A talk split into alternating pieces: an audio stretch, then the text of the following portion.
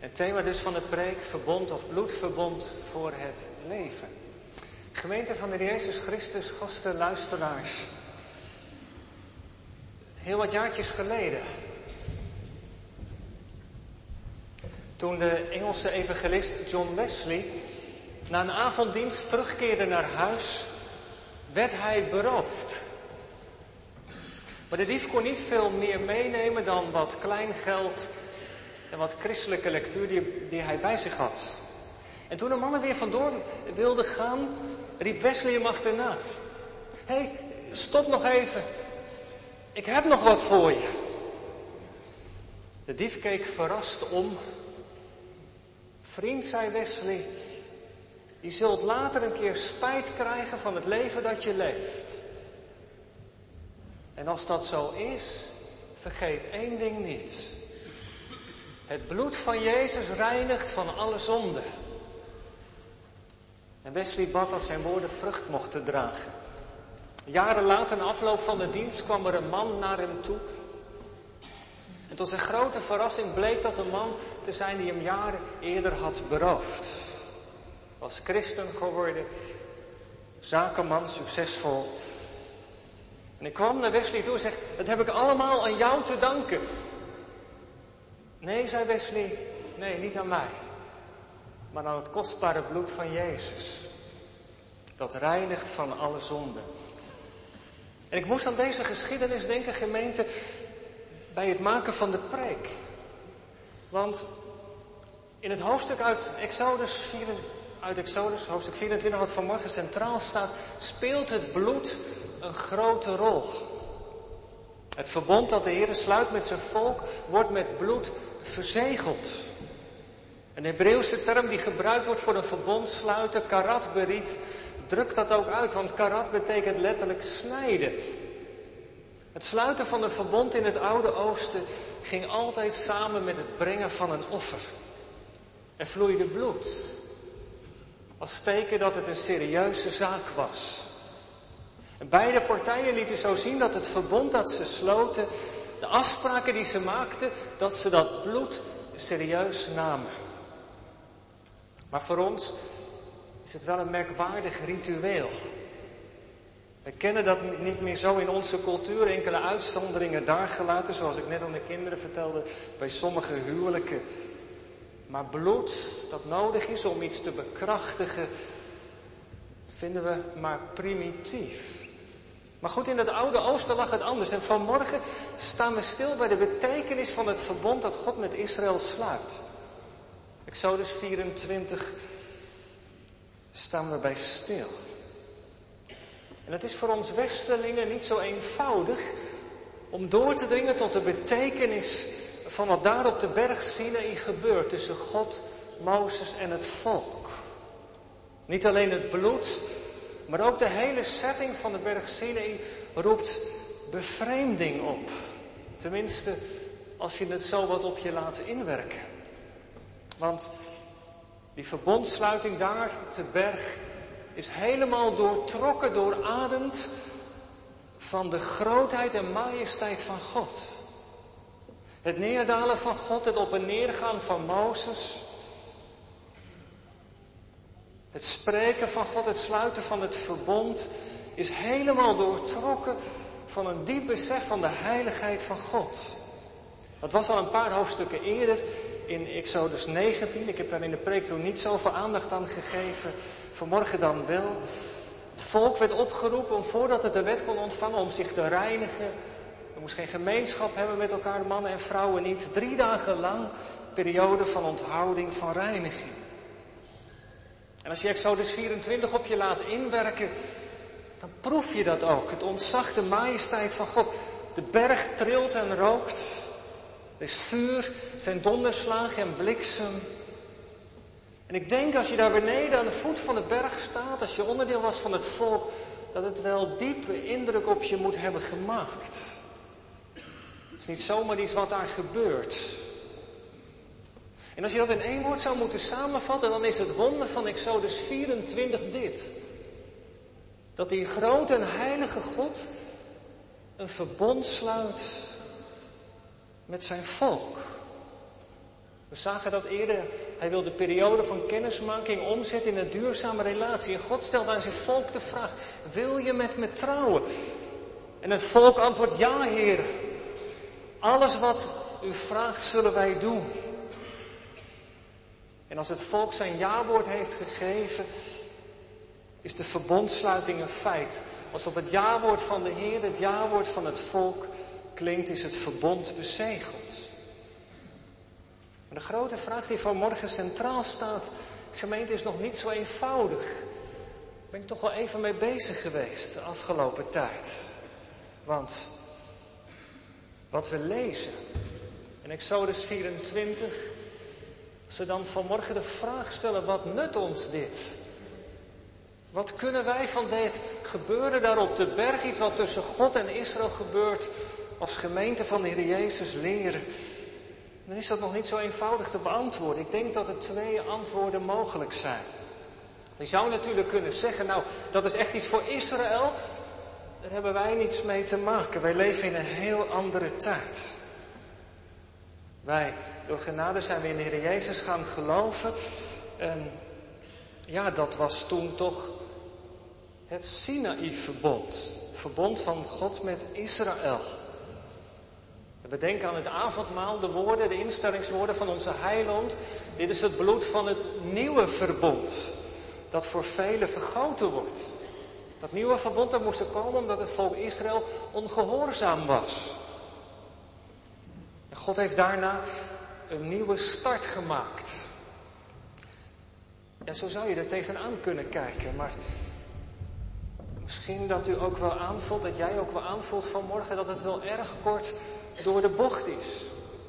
Aan de andere kant kun je ook zeggen wat daar op de berg Sinai gebeurd is voor ons van groot belang. Want het verbond dat de Heer met Israël heeft gesloten, dat is nog steeds van kracht. Als de Heer een verbond sluit, dan is dat een verbond dat blijft. Van zijn kant zal het niet zomaar verbreken. Nee, zal hij het niet verbreken. De Heer is trouw aan wat hij beloofd heeft, als, aan wat hij heeft toegezegd. Israël is vaak wel ontrouw geweest, maar de Heer van zijn kant niet. Hij heeft het verbond niet afgeschaft. En er komt nog bij, we hebben van de apostel Paulus geleerd dat als wij in de Heer Jezus zijn gaan geloven, dat we als die wilde scheuten op die edele olijfboom zijn geplant. Dat wij door Gods genade in het verbond dat Hij heeft met Israël worden ingelijfd. Als heidenen mogen wij ook bij dat verbond horen. Dat is de tweede lijn. En ik denk persoonlijk dat die tweede lijn meer de Bijbelse lijn is, om zo te zeggen. Maar er is wel een verschil. Heer Jezus spreekt over een nieuw verbond. En nieuw moet je eigenlijk lezen als vernieuwd, hernieuwd. Het oude verbond wordt erin meegenomen. Maar het is nieuw omdat de Heer Jezus nu door de geest de wet schrijft in de harten van de gelovigen. Omdat het verbond verbreed wordt naar alle volken.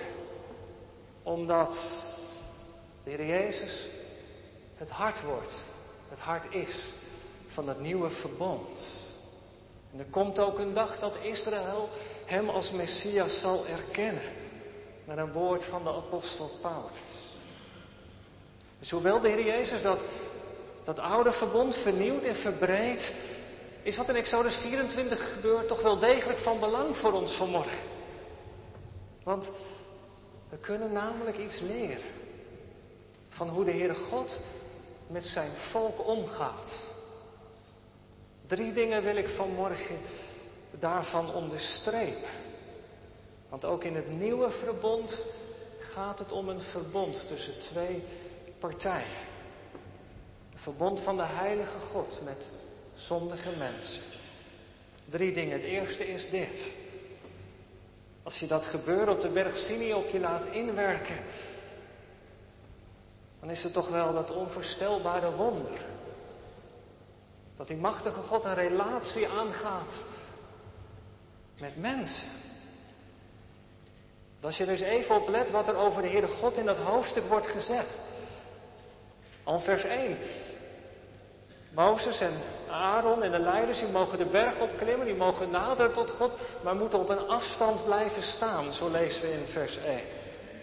Alleen Mozes is de enige die dichter bij God mag komen. En later, vers 11, lezen we dat de Heere God zijn hand zou kunnen uitstrekken naar, naar de leiders en naar Mozes. Maar dat doet hij niet. Hij zou ze kunnen verteren. Maar dat doet hij niet. Vers 17. De heerlijkheid van de Heer is als een verterend vuur. Een vuur, daar moet je niet te dichtbij komen, dan kun je je lelijk aan branden. Heel dat hoofdstuk wekt de indruk op en wil dat ook duidelijk maken. Dat de Heere God een heilige God is. Dat er tussen God en mensen een grens loopt. En geloven betekent dat je die grens ook respecteert. En daar ging het in het geschiedenis van Israël telkens weer mis.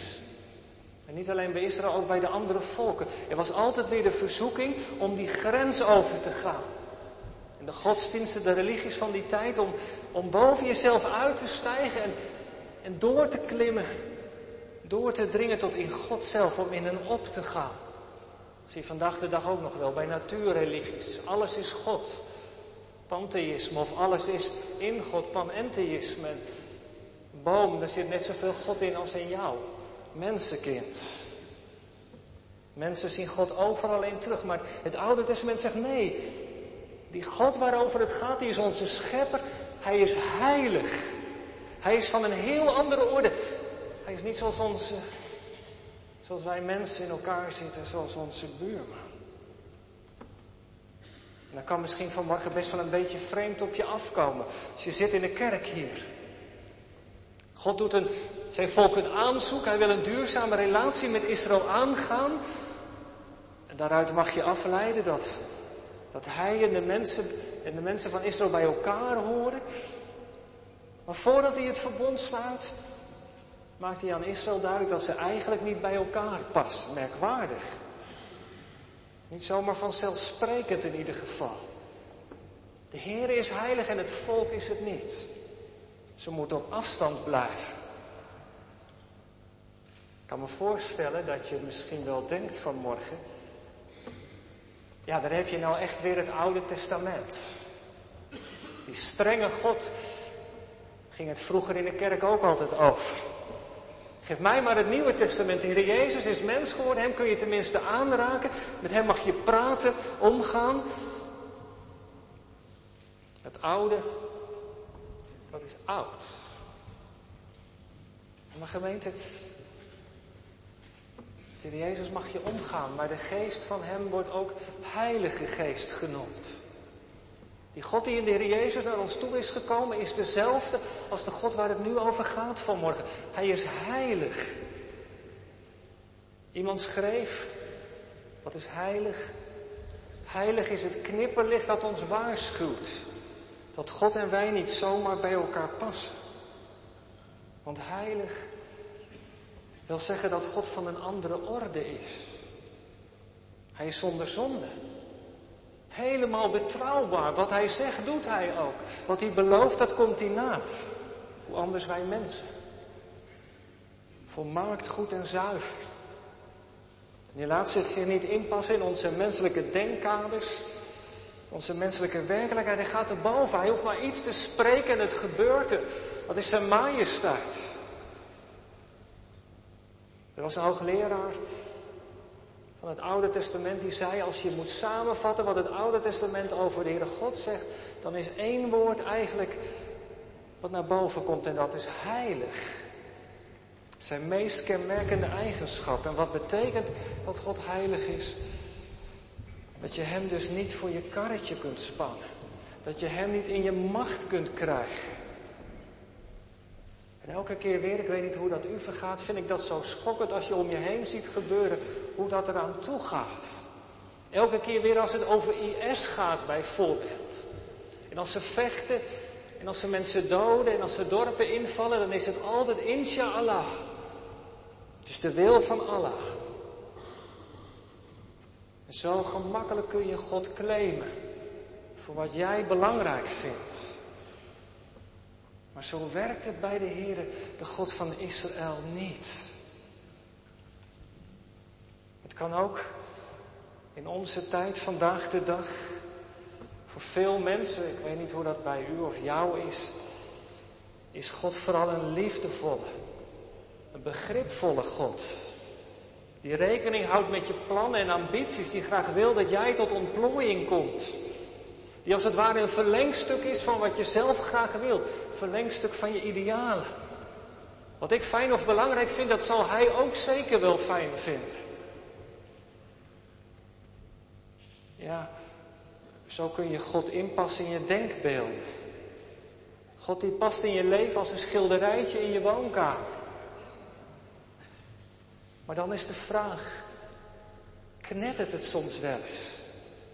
Schrik je soms van, van op als hij spreekt? Brengt hij ook onrust in je leven? Want de God van de Bijbel laat zich zomaar niet inpassen in onze plannen en in ons denken. Hij is heilig.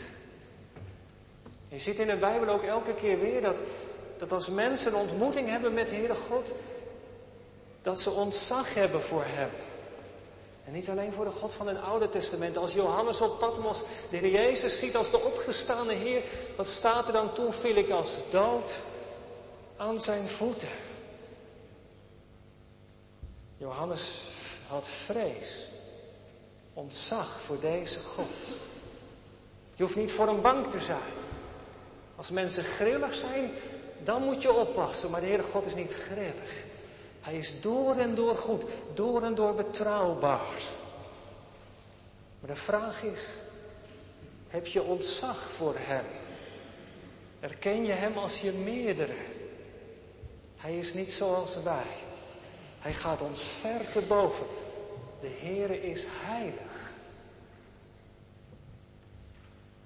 Ja, maar nou het tweede.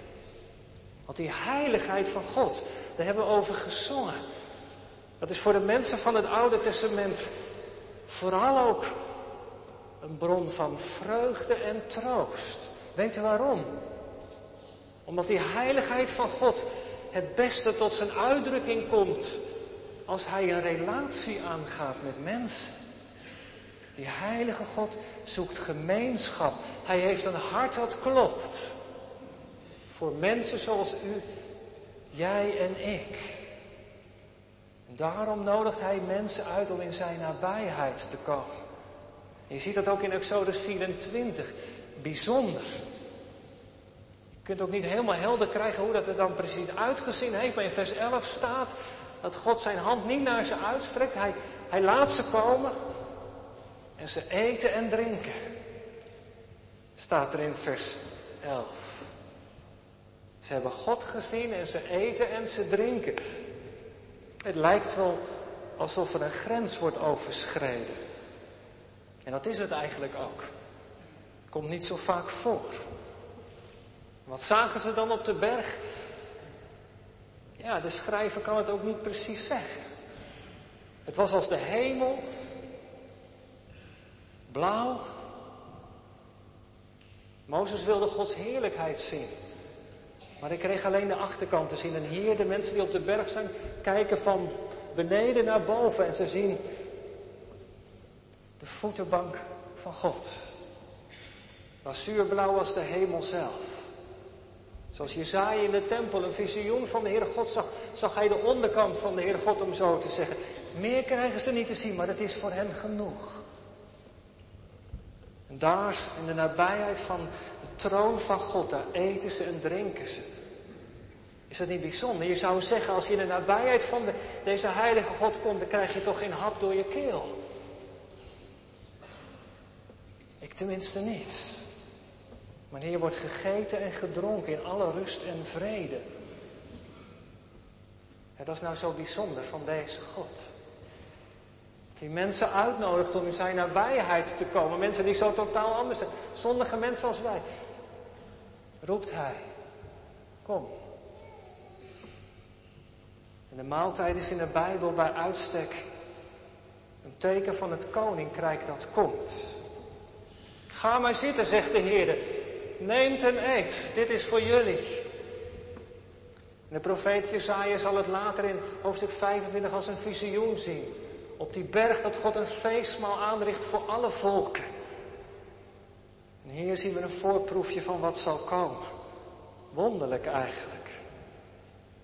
En weet u, dat zie je in het Nieuwe Testament ook zo duidelijk.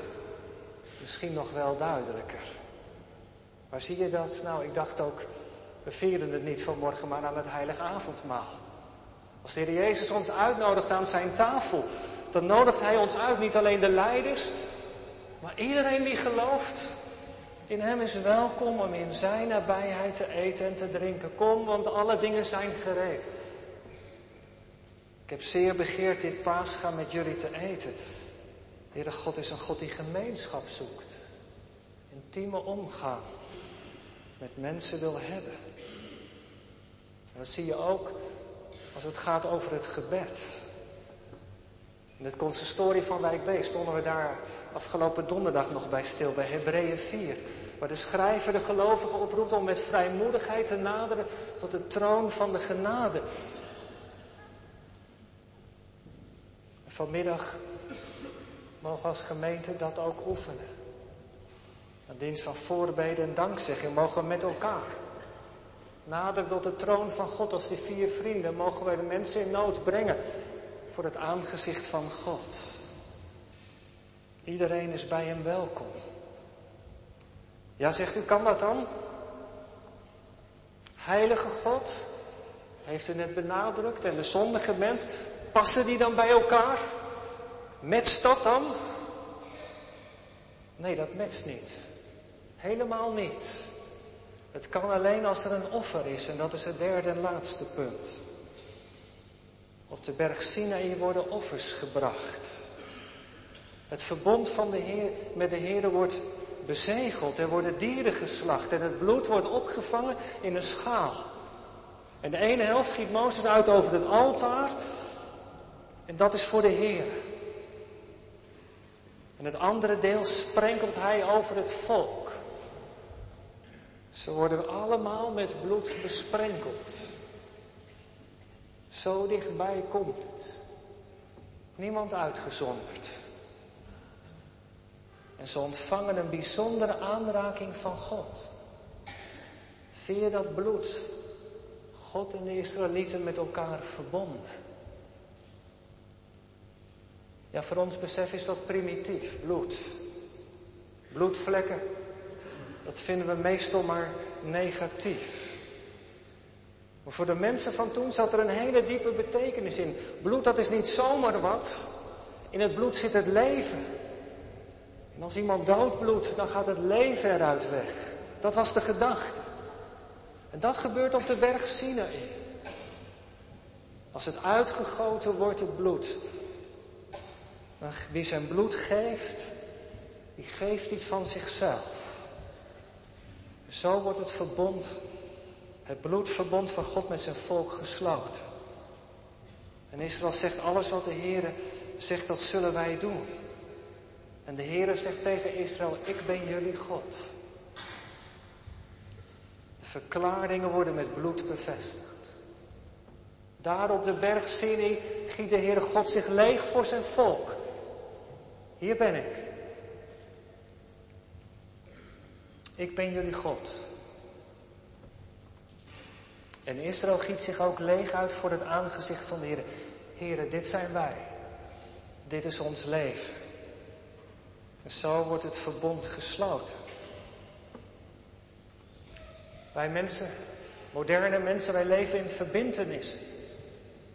En we hebben allemaal wel eens iets beloofd. Misschien jij ook wel of u. Ik zal je nooit verlaten. Ik zal altijd voor je zorgen.